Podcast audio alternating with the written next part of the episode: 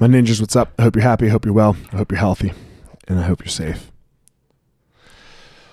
So I have rules for my kids. I think I've gone over this.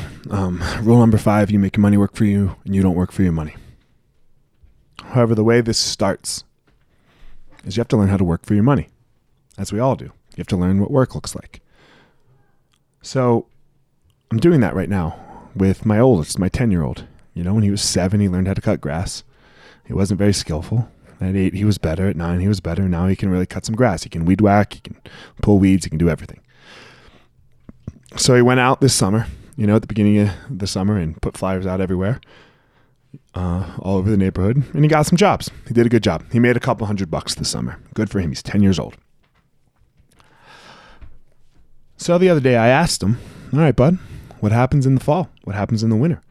And he was like, Well, what do you mean? I was like, Well, you can't cut grass, dude. There's no grass to cut. So what's our next step? Where do we go from here? How do we shift? How do we move? And he goes, I don't know, Dad. He goes, What do you think? I was like, I don't know, bud. Let's sit down and think about it.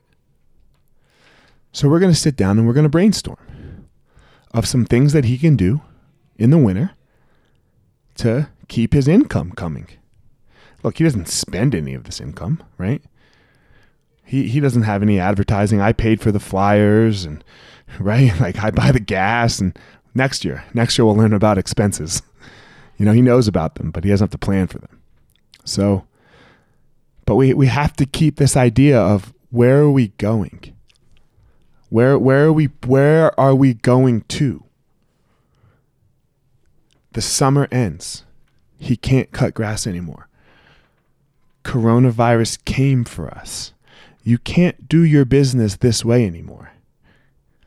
He can cry about the fact that summer's over and he's got nowhere to go and he's got no grass to cut.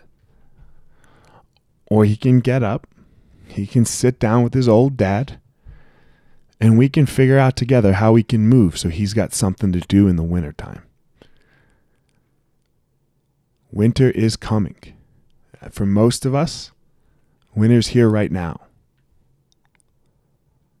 What are you doing about it? How are you going to find your power?